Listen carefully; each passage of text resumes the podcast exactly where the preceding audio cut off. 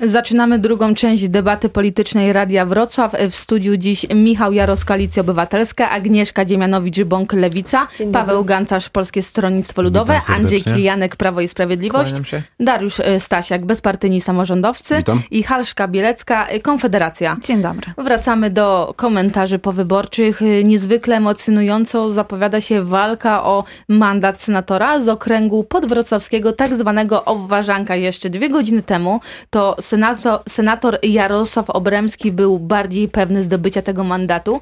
Teraz sytuacja wygląda tak, że na prowadzeniu jest Bogdan Zdrojewski, były europoseł, prezydent Wrocławia i minister kultury. Europoseł Bogdan Zdrojewski ma 2,5 tysiąca głosów przewagi.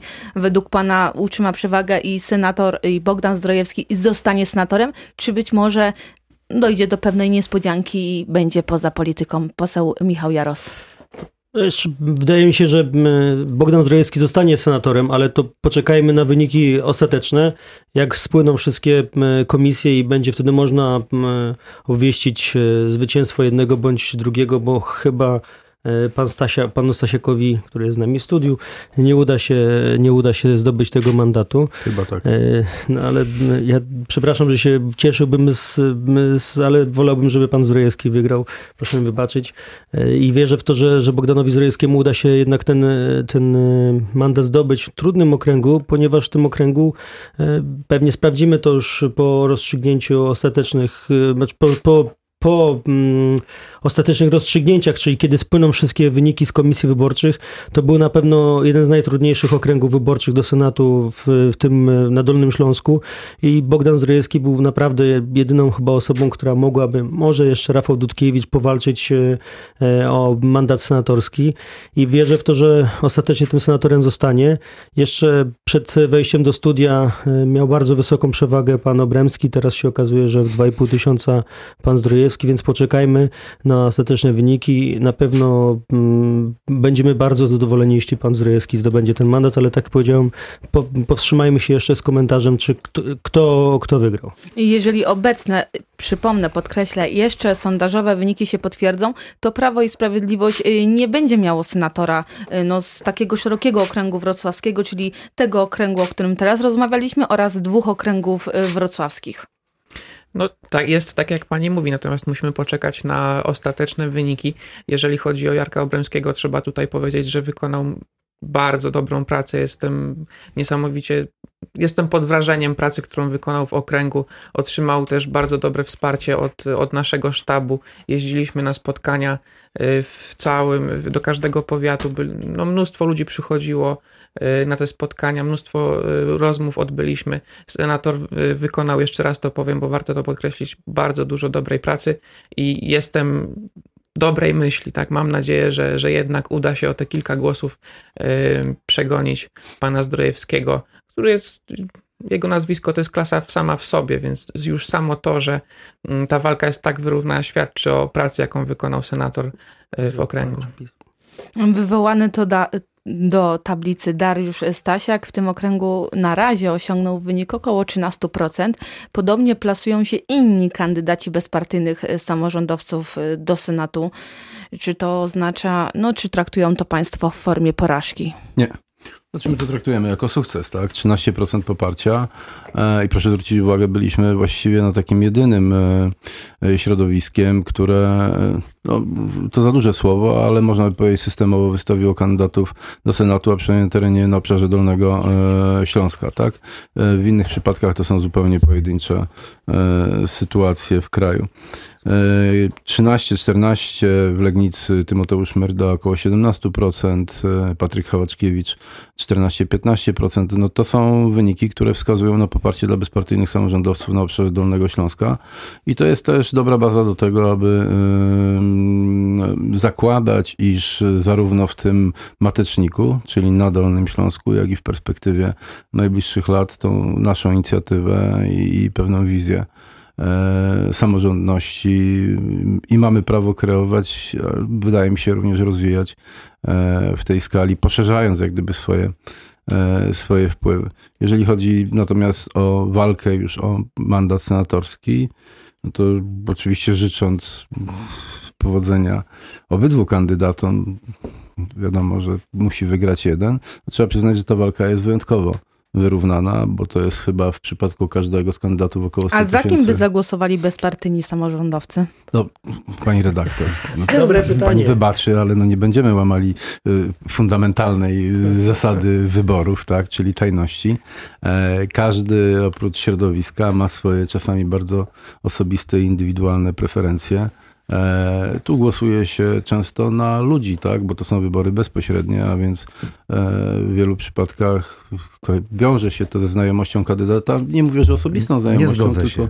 Tylko, tylko ze znajomością jego dokonań, osiągnięć y, i przy stosunkowo niewielkiej liczbie kandydatów daje się to ze sobą zestawić, porównać. Uważam, że zarówno e, Jarosław Obremski, jak i e, prezydent Zdrojewski są to postaci, które na ten mandat y, zasługują i chyba trochę szkoda, jeżeli już o tych y, zasługach mówić, że starli się w jednym okręgu wyborczym. Dlaczego Paweł Gancarz e, się nie zgadza? No już same procentowe wyniki wyborcze pokazują, że nawet w przypadku bezpartyjnych samorządowców, osoby dobrze rozpoznawalne, samorządowcy w środowisku, a te wyniki na poziomie kilkunastu procent e, porównywalne prawie w poszczególnych okręgach, no to pokazuje, że też do, w tych typowo jednomandatowych okręgach wyborczych e, do Senatu, no też oddziaływuje e, czynnik poparcia ogólnokrajowego, który no, tym kandydatom może częściowo słabszym pozwala walczyć czy nawiązać rywalizację z e, chociażby takimi ikonami jak, e, jak Bogdan Zdrojewski.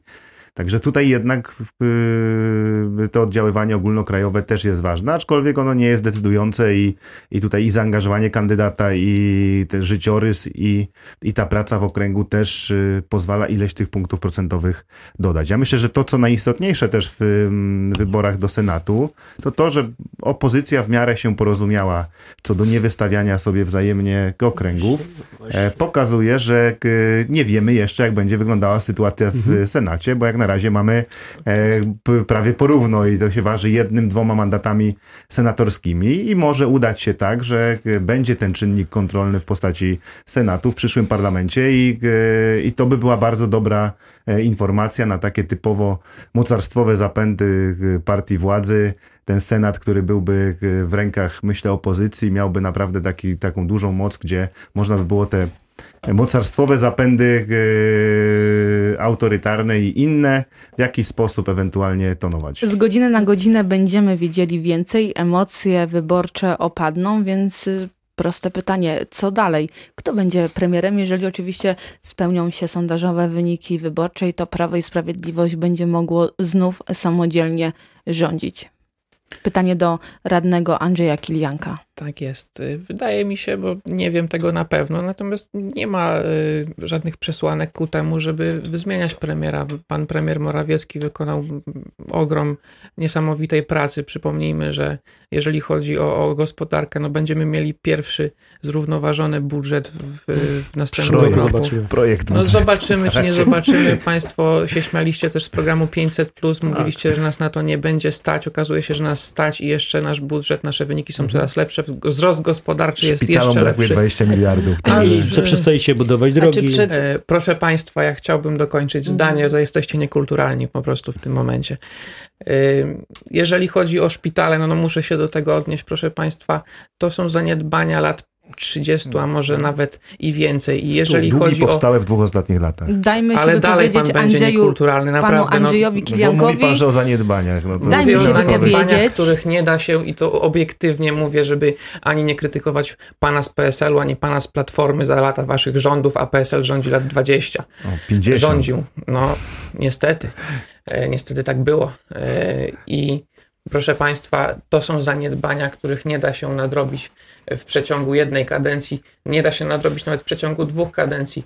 E, Lekarze, których brakuje około 15 tysięcy bodajże, żeby zrealizować program Platformy Obywatelskiej. Jaki będzie pierwszy projekt ustawy, którą państwo y, przygotują? to trzeba zapytać naszych parlamentarzystów. Ja jestem radnym Rady Miejskiej Wrocławia, natomiast mamy program wyborczy, y, który przedstawiliśmy w kampanii wyborczej i który na pewno będziemy realizować. Udowodniliśmy, że jesteśmy wiarygodni. Trzymajcie Państwo kciuki, żeby w tej kadencji opozycja jednak była merytoryczna, a, a nie zachowywała się tak jak przed chwilą trójka ja mam- z chciałabym, państwa ja chciałabym zapytać przy okazji tutaj o pe- pytania o premiera, premiera Morawieckiego, czy możemy się spodziewać, skoro pan mówi tutaj, że to będzie kandydatura do, do, na, na szefa Rady Ministrów, czy możemy się spodziewać, że wcześniej jednak doczekamy się, a to jest myślę szczególnie istotne dla mieszkańców i mieszkanek Wrocławia, czy wcześniej do, do, doczekamy się oś- oświadczenia majątkowego zarówno pana premiera, jak i małżonki, bo e, no tutaj zwlekał bardzo długo z tą, z tą deklaracją, a to jest ważne, to jest ważne dla... Oświadczenie pana premiera Morawieckiego jest. Oświadczenie oczywiście jest, natomiast jest pytanie jeszcze o oświadczenie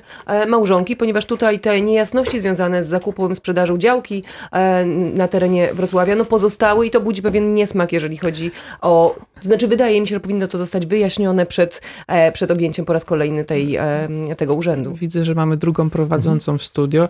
E, Czy ja nie, mam prowadząca jest to? jedna, panie radny. No ale widzę, że, Nie, że natomiast kolejna ja osoba jestem zadaje pytania. opozycji, tej merytorycznej, Prowadząca jest opozycji. więc... jedna, Nie, nie jest prowadząca jest jedna za-.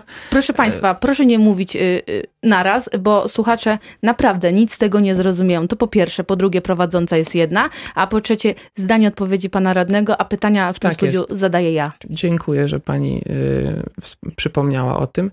Y, mamy przedsmak tego, co się będzie chyba działo w kolejnej kadencji. Widzę, że nie wyciąga opozycja wniosków, niestety.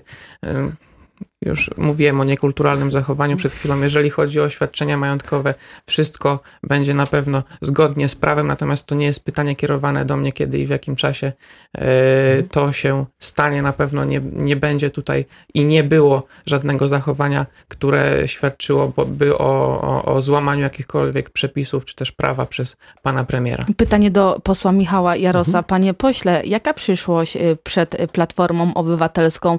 Czy w partii jest y, czas na podsumowania, czas na rozliczenia? Na początku przyszłego roku wybory przewodniczącego. Mhm. Y, Czy w związku z takim wynikiem wyborczym, a nie innym, y, będą osoby w partii, które będą domagały się ro- rozliczeń szefa? A na pewno trzeba nowego spojrzenia, ponieważ wynik nie jest satysfakcjonujący.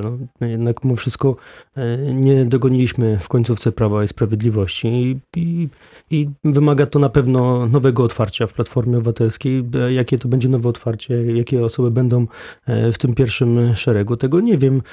Na pewno trzeba przyznać Grzegorzowi Schetynie oddać to, że udało mu się z, z, złożyć taką wielką koalicję europejską, a później koalicję obywatelską i udało nam się osiągnąć konsensus w wyborach do Senatu. Poza małymi, e, małymi e, powiedziałbym, poza e, osobami, które zgłaszały się do Senatu. Ja nie mówię o bezpartyjnych samorządowcach, ale przede wszystkim o takich kandydatach, którzy się pojawiali na przykład w okręgu jeleniogórskim którzy nie byli popierani na przykład przez lewicę, ale e, tą lewicę reprezentowali i zaburzali ten wynik opozycji. Natomiast chcę wrócić do bardzo ważnej kwestii, bo e, sprawy wewnętrzne Platformy powinny być, roz, roz, powinny być rozstrzygnięte wewnątrz, a nie na zewnątrz każdego ugrupowania. Natomiast wracając do kwestii, o których e, pan mówi, to ja, pan z PiSu, to chcę powiedzieć panie radny, że czas oczekiwania na SOR-ach na Dolnym Śląsku jest między 4 a 6 godzin. I to nie jest kwestia tego, że brakuje lekarzy. Wie pan, jaki jest problem? Zmieniliście zasady nocnej i świątecznej opieki zdrowotnej. Zamiast czterech lekarzy jest dwóch. Nie ma wykonywanych badań laboratoryjnych, rentgenowskich na nocnej i świątecznej opiece zdrowotnej. Mało tego, w momencie, kiedy 250 tysięcy osób było pozbawionych nocnej i świątecznej opieki zdrowotnej w centrum Wrocławia, około 250 tysięcy osób, mniej więcej jedna trzecia tych mieszkańców to są e, seniorzy, 60, ludzie w wieku 65 e, lat i więcej. Proszę mi wierzyć, że m, kwestia e, tego, że ta nocna i świąteczna opieka zdrowotna została zmieniona, wszystkie te osoby szły na SOR. W związku z tym e, te kolejki na SOR-ach się wydłużały. Nie jest to kwestia, nie jest tylko kwestią dosypania Dajmy odpowiedzieć, ja dajmy odpowiedzieć ja tylko, ja tylko skończę. Nie jest to kwestią tylko i wyłącznie dosypanie pieniędzy, czy pojawienie się większej liczby lekarzy. Bo wy chcielibyście chcieli tak, tak załatwić tą sprawę. Nie. To jest kwestia dobrych rozwiązań. Struktury, organizacji. tego nie Andrzej Kilianek, zdanie odpowiedzi. Proszę Państwa, jest Państwa gwarantuje- szóstka. Dajmy szansę wypowiedzieć się wszystkim. Prawo i Sprawiedliwość gwarantuje najlepsze rozwiązania i pokazali to w tych wyborach, także y, wyborcy, którzy rekordową Dlaczego liczbą udali się do wyborów. Dziękuję panie pośle za to, że kolejny raz pan mi przerywa i pokazuje y, butę Platformy Obywatelskiej. Y, Proszę Państwa, Brakuje lekarzy i to jest fakt. I program Platformy Obywatelskiej, Koalicji Obywatelskiej był niewiarygodny ze względu na to, że żeby zrealizować ich postulaty trzeba po prostu 15 tysięcy więcej specjalistów. To jest nie do zrealizowania, bo kształcenie specjalisty z medycyny trwa wiele lat. Kształcenie lekarzy trwa po prostu Agnieszka Dziemianowicz-Bąk. Jaki Lewica ma pomysł na obecność w Sejmie? Jaki będzie Państwa pierwszy projekt ustawy? E, projekty zgłaszane przez e, Klub Lewicy, będzie, ich będzie bardzo dużo, ponieważ to będzie pracowita i aktywna, e, aktywna opozycja, która musi przekonać Polki i Polaków, to jest nasze zadanie, do tego, że naprzeciwko Prawa i Sprawiedliwości może stać konstruktywna i silna opozycja, a nie opozycja, która przez cztery lata stawia sobie zadanie odsunięcia Prawa i Sprawiedliwości od władzy, po czym tego zadania nie realizuje. I ja tutaj, panie pośle, no przepraszam, ale mówienie, że Grzegorz Schetyna coś zintegrował, zbudował i odniósł jakiś sukces, jest nieporozumieniem. cztery lata temu temu Platforma Obywatelska sama miała taki wynik, jaki w, tej, w tych wyborach osiągnęła cała, no jak pan nazywa tutaj szeroka koalicja. A przypominam, że w tej koalicji, no najpierw skonsumowaliście państwo e, Klub Nowoczesnej, do, dołączyli, się, dołączyli się e, Zieloni, pojawiła się także Barbara Nowacka, która cztery lata temu była reprezentantką Lewicy, więc po takim, po takim dosypaniu, dołożeniu tylu kostek cukru, herbata nie tylko nie stała się słodsza, ale wręcz zrobiła się bardziej gorzka. Więc więc zadanie dla lewicy to jest zarysowanie wyraźnej wizji i pokazanie, że silna opozycja jest możliwa i że i za tak, żeby za cztery lata Polki i Polacy postawili rzeczywiście na ugrupowanie opozycyjne. Y, Paweł Gancarz. Jaki plan ma polskie ja stronnictwo? ja tylko mówię o, mówiłem o zrównoważonym budżecie, bo mowa o zrównoważonym budżecie w momencie, kiedy e, szpitale po stronie samorządów, czy to województw, czy powiatów są zadłużone na prawie 20 miliardów, no jest po prostu no, no nie do przyjęcia, dlatego był ten mój głos sprzeciwu, a to jest sytuacja, ta sytuacja finansowa to jest sytuacja z ostatnich dwóch, trzech lat. Nieprawda. Czyli z roku do, rok do roku tak naprawdę Panie Przewodniczący, a proszę mi powiedzieć, czy może Pan tutaj dzisiaj zadeklarować, no jeszcze nie znamy ostatecznych i oficjalnych wyników wyborów, że na pewno żaden z posłów nowego klubu Polskiego Stronnictwa Ludowego nie wejdzie w koalicję z Prawem Prawem i Sprawiedliwością z partią rządzącą. Czyli po wyborach samorządowych no nie było drugiej tak e, jednoznacznie określonej partii jak Polskie Stronnictwo Ludowe, gdzie prezes Władysław Kosiniak-Kamysz po 15 e, minutach od ogłoszenia wyniku wyborów oświadczył, że PSL nie wejdzie w, e, w koalicję z PiSem w żadnych sejmików. Zdarzają się zawsze jednostkowe przypadki, ale z członków Polskiego Stronnictwa Ludowego nikt, żaden radny sejmikowy do do, do e, PiSu za różne apanaże władzy nie przeszedł. I ja myślę, że będzie podobnie w nowym parlamencie, że ten klub 30-osobowy, jeżeli będzie miał taką, oczywiście 30-paroosobowy taką e, ilość parlamentarną, będzie się trzymał razem, spójnie. Takie deklaracje były też ze środowiska Z klubem Koalicji Obywatelskiej? Nie, z klubem Polskiego Stronnictwa Ludowego. Są tam też, e, mam nadzieję, że będą parlamentarzyści. Na pewno klubu Komitetu Stowarzyszenia Kukiz 15, jak i również Unii Europejskich Demokratów. Ja sądzę, że, że ta jedność tego klubu e, z listy Polskiego Stronnictwa Ludowego będzie będzie zachowana. Dariusz Stasiak, jaka przyszłość e, przed bezpartyjnymi samorządowcami? Czy taki wynik, no taka sytuacja osłabia bezpartyjnych w koalicji z PiSem w województwie? Znaczy ja te wyniki odbieram jako bardzo dobre z punktu widzenia bezpartyjnych samorządowców, tak? To znaczy mamy siłę polityczną, która ma możliwość kontynuowania e, swojego programu i tych wszystkich zapowiedzi, które składała, no i bez wątpienia mamy czas weryfikacji, tak? Znaczy na ile te wszystkie obietnice, no w szczególności te składane w sferze socjalnej będą rzeczywiście do zrealizowania. Sam będę się temu e, przyglądał, bo no nie mam, nie, nie ma chyba najmniejszych co, wątpliwości co do tego, że będzie to e, trudne. Jeżeli chodzi o koalicję w Sejmiku, nie wydaje mi się, aby ten wynik wyborów negatywnie wpływał na relacje pomiędzy nami a naszymi koalicjantami.